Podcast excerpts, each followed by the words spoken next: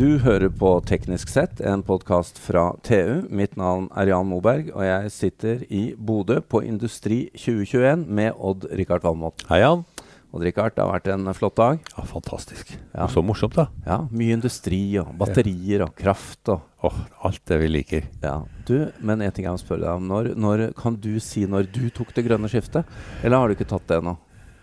Eh, jeg har faktisk holdt på med det grønne skiftet siden 80-tallet. Jan. Ja, men det har kostet mye energi. Det vet vi litt om. Ja, jeg vet det, Ja. men altså, der det ligger mye rockwool i det gamle huset. Altså. Det grønne skiftet ditt var ikke Og nye veldig. CO2-nøytralt. Nei da, men det var, jeg begynte da. Og jeg har holdt på siden. Ja.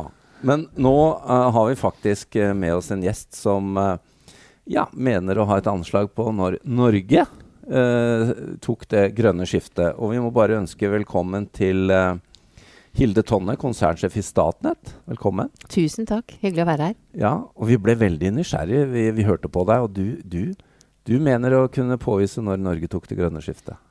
Ja, eh, vi i Statnett så at det grønne skiftet kom eh, sånn ca. november 2019. November 2019. Det er ganske pinpointa, da. Ja. Og da er vi før pandemi. Da er vi før pandemi, eh, og det gikk igjennom pandemi. Det var ikke noe stopp da.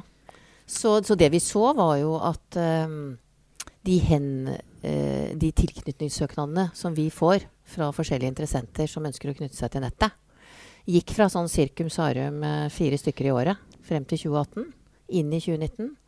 Og da skjøt det i været, og det vi nå behandler og forholder oss til, er ca. 120 pluss søknader i året. What? Fra 4 til 120? Mm. Det gikk veldig fort. Og, det, og så det også, falt det også sammen med elektrifisering av sokkelen. Ja. Så da skjedde det grønne skiftet, vil jeg påstå. November ja. 2019. Ja. Men, men uh, nå, nå uh, er, Det må jo være en del nye næringer, da. Altså for at disse fire som tikket inn hvert år, de var kanskje litt forutsigbart hvor det kom fra. Mens nå er det en annen fordeling? Ja, vi ser jo vi ser også i våre analyser uh, at dette i mye større grad enn tidligere uh, beveger seg på tvers av forskjellige industrier. Både ny uh, industri, hydrogenproduksjon, eh, batteri, datasentra.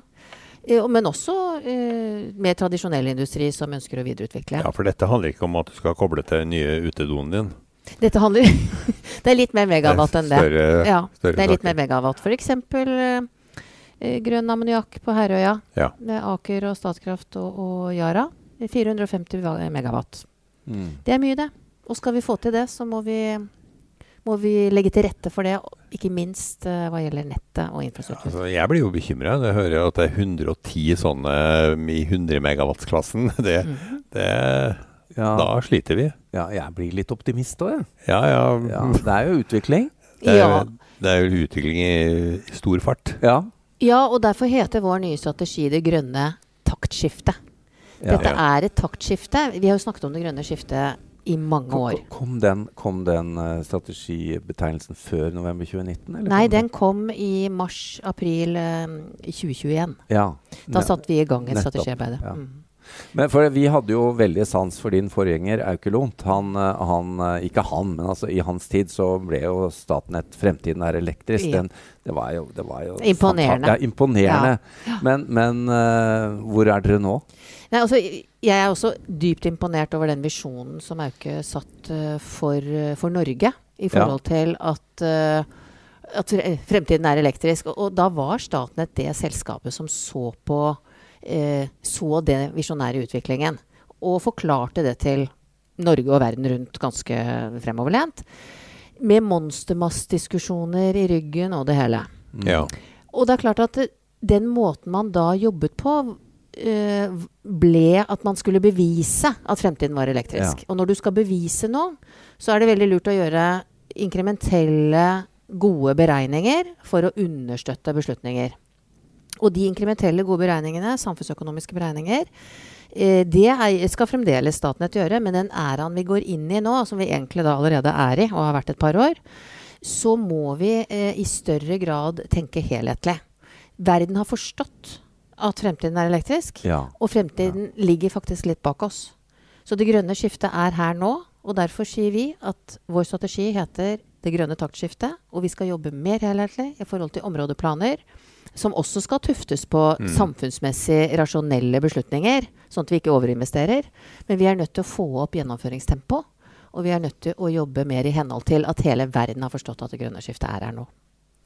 Det er Ja, for det er ikke noe man kan skru av. Nei, Kan ikke skru av det. Men, men uh, hvordan eh, tenker dere rundt det? Det er jo en del uh, motkrefter um, som, som ikke vil ha det ene og ikke vil ha det andre. Og vi har jo motvind, da, som et eksempel, som Odd Rikard og jeg har snakket om en del.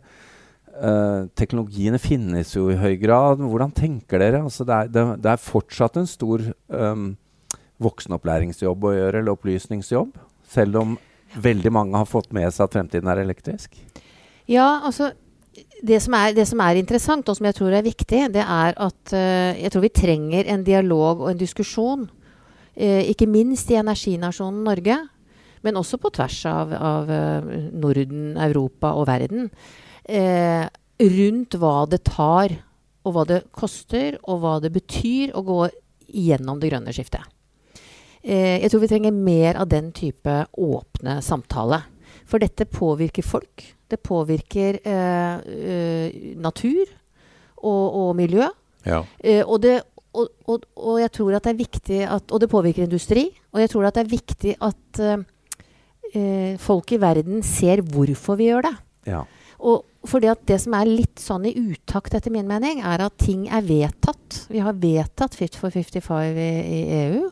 Norge kommer til å ratifisere de samme målsetningene Mm. med nedgang i 2030 på 55 prosent av utslipp. Nullutslippssamfunnet i 2050. Disse vedtakene er lov i dag. Og det, det vil si at de ratifiseres i hvert Mm. enkelt land i Europa. Og når det skjer, så skjer det helt konkret at vi endrer energimiksen i alle land. Ja. Og det skjer at vi eh, At CO2-prisen f.eks. Dobler seg. ja. Og når det skjer, så koster strømmen mer for Ja. folk i Norge. Ja. Ja. Også i Norge. Også for vi har jo Norge. vært et Disneyland for strømpris i 100 år. Ja. Altså Og så I tillegg til det akkurat nå, og det er litt spesielt akkurat nå, dette er på ingen måte den nye normalen, det som skjer nå, men i tillegg til det så har vi en energisituasjon i verden hvor gasspriser og kullpriser er svært høye. Mm. Det blåser lite på kontinentet. Magasinene er lave i Norge. Ja. Og CO2-prisen har mer enn doblet seg. ja. Da får du energipriser i hele verden, og også i Norge, som folk eh, sitter med i fanget. Og da tror jeg det er viktig at vi forstår enda mer felles hva slags energisystem vi har, og hvorfor det f.eks. er lurt med et integrert eh, system i Norden. Eh, Jeg tror faktisk at introduksjonen av elbil har gjort folk mye mer oppmerksom på nettkapasiteten. For det er mange som har lader hjemme nå, og som har måttet ha oppgradert tilknytninga si. Jeg har gjort det både på hytta og, hjemme. Mhm. Eh, og det er klart, det er jo ikke ubegrensa med, med distribusjonsnett. Så Nei, og i våre analyser så ser jo vi helt klart at uh, hvis man skal lade elbilen sin, så er det lurt å gjøre det mellom syv og åtte om morgenen f.eks. Ja. Ja. Uh, Hilde, det, det er veldig morsomt uh, å høre, i hvert fall for oss, at dere leverte en markedsanalyse i november 2020. Hvor lenge tenkte du, hvor lang varighet tenkte du at den skulle ha? Nei, den skulle være der i et par år. Ja, Når måtte Den dere i- revurdere? Nei, vi måtte, vi måtte justere den etter et halvt år. Og det kom Etter et halvt år? Ja, Ja. da er det litt inne på det vi snakker om Ja. her. Ja. Og det, det som da helt konkret skjedde Det var jo mange ting som skjedde. Eh, men, men det grønne skiftet skjedde da også i Europa. Og, og ikke sant, Klar for 55, Fit for 55, som det heter, og den Green Deal i Europa. når det blir CO2-prisen til himmels. CO2-prisen til himmels. Mm.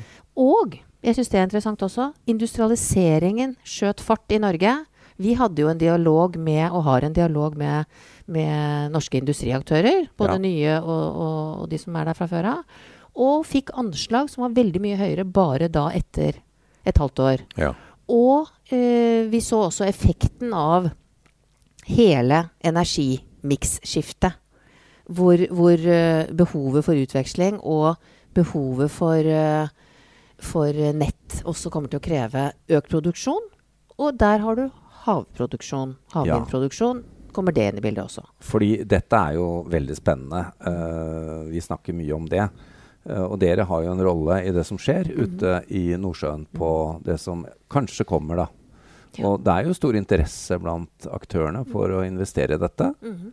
Men eh, det, det finnes vel Altså, vi Jeg har skrevet en kommentar om det. Jeg kan ikke se for meg at noen vil putte penger i det hvis ikke disse innlysningene blir koblet til markedene.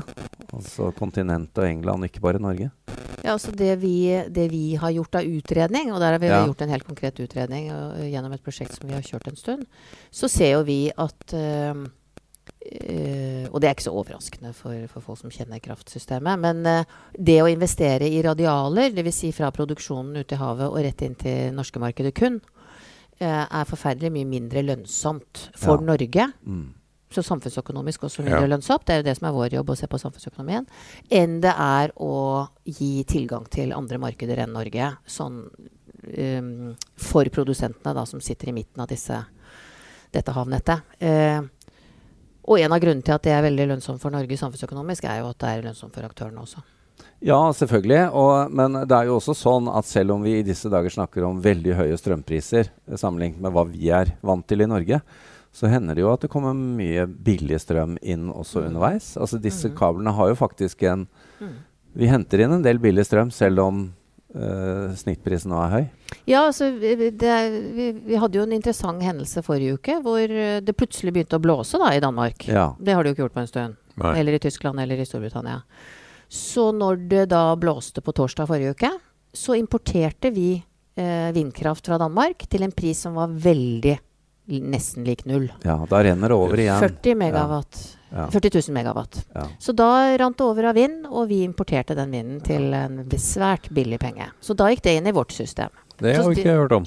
Nei, det er ikke så mange som snakker om det. Nei. Nei, vi snakker bare om at den er dyr. Og så er det et annet tema, og Ja. Richard er veldig opptatt av solidaritet. Eh, du har ikke hørt det før, Richard, men vi er det. Vi er det. Ja, Ja, ja. jeg er enig med Men er det ikke sånn som når vi nå står og skal løse den energikrisen sammen, så tenker jeg at vi som nordmenn som liker å tenke solidarisk og sånn, er ikke dette en greie vi må stå i sammen da? Er ikke, er ikke disse kablene en del av hele bildet? Disse kablene er eh, veldig viktige klimaprosjekter. Jeg har lyst til å begynne med det. Ja, ja. Og de klimaprosjektene de, de er klimaprosjekter fordi at uten utveksling i værbaserte energisystemer, Ja. Så får du ikke til eh, eh, hele systemdriften. Nei. Så du, når du produserer vind og sol i ett land, så, så må du kunne utveksle med noen som produserer noe annet samtidig.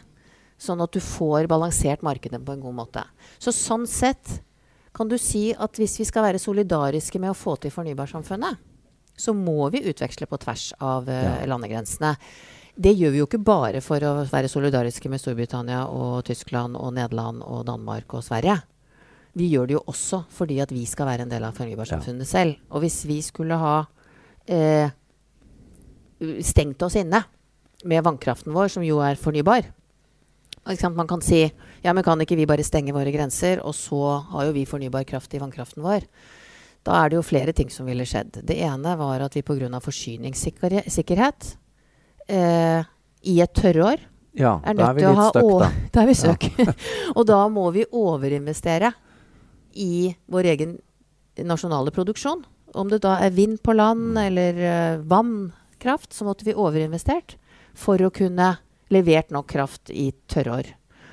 Og det ville kostet den norske befolkning veldig mye mer penger enn hva det koster i dag. Så det er det ene. Eh, og det andre er at interessen for å investere i noe som ikke har markedsadgang, annet enn til ett regulert marked, da, da vil interessen for investeringer gå ned. Og da ville vi nok ikke fått Da ville vi fått en veldig underkraftsituasjon i Norge. det sier seg selv. Og jeg, tenker jo så internasjonale vi har vært både på fisk Mhm. øh, med eksportmarkeder og i petroleumssektoren med eksportmarkeder. Dette er også energi. Mhm. Og vi har jo fordeler Mhm. sammenlignet med andre uh, nasjoner. For Ja. Dette burde jo være en opplagt også eksportvare. Ja, og, og jeg, må, jeg må jo få lov å Etter at Fit for 55 ble vedtatt, og man begynte å ratifisere i Frankrike og Tyskland, så merker jo vi i Statnett at vi har mye oppmerksomhet Ja. fra landene rundt oss. ja. De, de er opptatt av Norge som energihub. Danskene lager jo en egen øy, en kunstig øy, Ja, som skal bli en energihub. Vi er jo en naturlig, Mm. enormt stor, mye større energihub midt i Europa. Mm. Og enda ikke utbygd disse store feltene ute i Nordsjøen som kan bli veldig spennende på offshorevind. På offshorevind, ja. Ja. Så vi har en posisjon som, eh, som jeg tenker at vi skal klare å utnytte på en god måte. Også i solidaritet og i samarbeidet med landet rundt oss. Og få det til å bli god butikk. God butikk for Energi-Norge. Mm. Hilde, eh, vi vet at du har et fly å rekke, men eh, sånn avslutningsvis, hva er de par viktigste fokusområdene for deg og dere nå i Statnett? Det som er eh, viktig for oss, er at vi skal bidra til å få opp tempo i utviklingen av det grønne skiftet i Norge. Ja, Det betyr også at vi får en del av disse spennende industriutviklingsprosjektene på, på plass. da. det er da vi kan få eh, takten i industriutviklingen og nettutviklingen til å være litt mer samkjørt enn den er i dag. Så det, det er vi opptatt av. Vi skal ha helhetlige områdeplaner, og vi skal skalere prosjektene våre og ha nye gjennomføringsmodeller, sånn at vi får ledetiden ned. Og det eh, gjør vi ved å annonsere en nettutviklingsplan for 2021. Eh, det gjør vi annethvert år. Denne kommer på torsdag. Og der sier vi at øh, vi, vi øh, kommer til å investere noe mellom 60 og 100 milliarder norske kroner de neste ti årene. Det er et stort utfallsrom ja. mellom 60 og 100, Ja. men det utfallsrommet begynner ganske høyt, da. Ja, fordi det jeg har skjønt eh, som er, eh, som er litt av filosofien din og deres nå, er at dere tar, tar heller høyde for at det blir uh, i det øvre sjiktet, sånn at det er lettere å skalere ned Mm. Ja. hvis det ikke skulle bli så mye. Og vårt anslag på, på Vårt høye anslag på forbruk i Norge i 2050, som jo er lenge til, men vi har lange ledetider, så vi må tenke langsiktig, det er 220 TWh. I dag er, har vi et forbruk på 140 TWh, så dette kom, det anslaget er høyt. Ja, det er høyt, ja. Men når vi planlegger så langsiktig som vi gjør, så er det veldig mye enklere for oss å ha et høyt uh, retning på det hele, og, og så gå ned, enn å begynne lavt, og da, da er det umulig for oss å gå opp igjen. Så det, denne nettutviklingsplanen som jeg snakker om, hvor vi sier at vi skal investere mellom 60 og 100 millioner, milliarder norske kroner i de Mm. neste ti årene, det er tuftet på den tenkingen. ja. Og det vil si at enten så ligger vi på det nivået vi har ligget på de siste ti årene, eller så dobler vi det. Er det Et eller annet sted midt imellom der. Er, er det her mer enn dobling? Altså vi 10 til, nei, 60 til 100? 60 milliarder i neste ti årene er i størrelsesorden det vi har investert hittil okay, de siste ti ja, årene. fint. Og uh, hvis vi går til 100 milliarder, så legger vi jo på 40 Mm. pluss, da. Og så sa du noe om at dere er ganske offensive på 420 Ja. kilovolt-linjer. Ja. Og det Noen tenker at kanskje det er litt nerdy å ha det som en del av strategien. Det er derfor Odd Rikard Eh, det er så, det er jeg er så fornøyd med det punktet, og det er mulig jeg er litt nerdy, men dette er viktig for det norske folk. ja. Det og, og for norsk industri. Ja. Det at Statnett eh, klart og tydelig sier at vi skal forsere gjennomføring av spenningsoppgradering til 420, det kommer både til å optimalisere kostnader og effektivisere utviklingen av eh, nettet. Eh, og det kommer til å øke tempo i utviklingen av dette. Så det er en veldig klok måte å sette som en sånn påle i, Ja. i vår operasjonelle strategi. Eh, og så kommer jo ikke dette til å være ferdiginvestert og ferdiggjennomført før eh, 2040. Nei.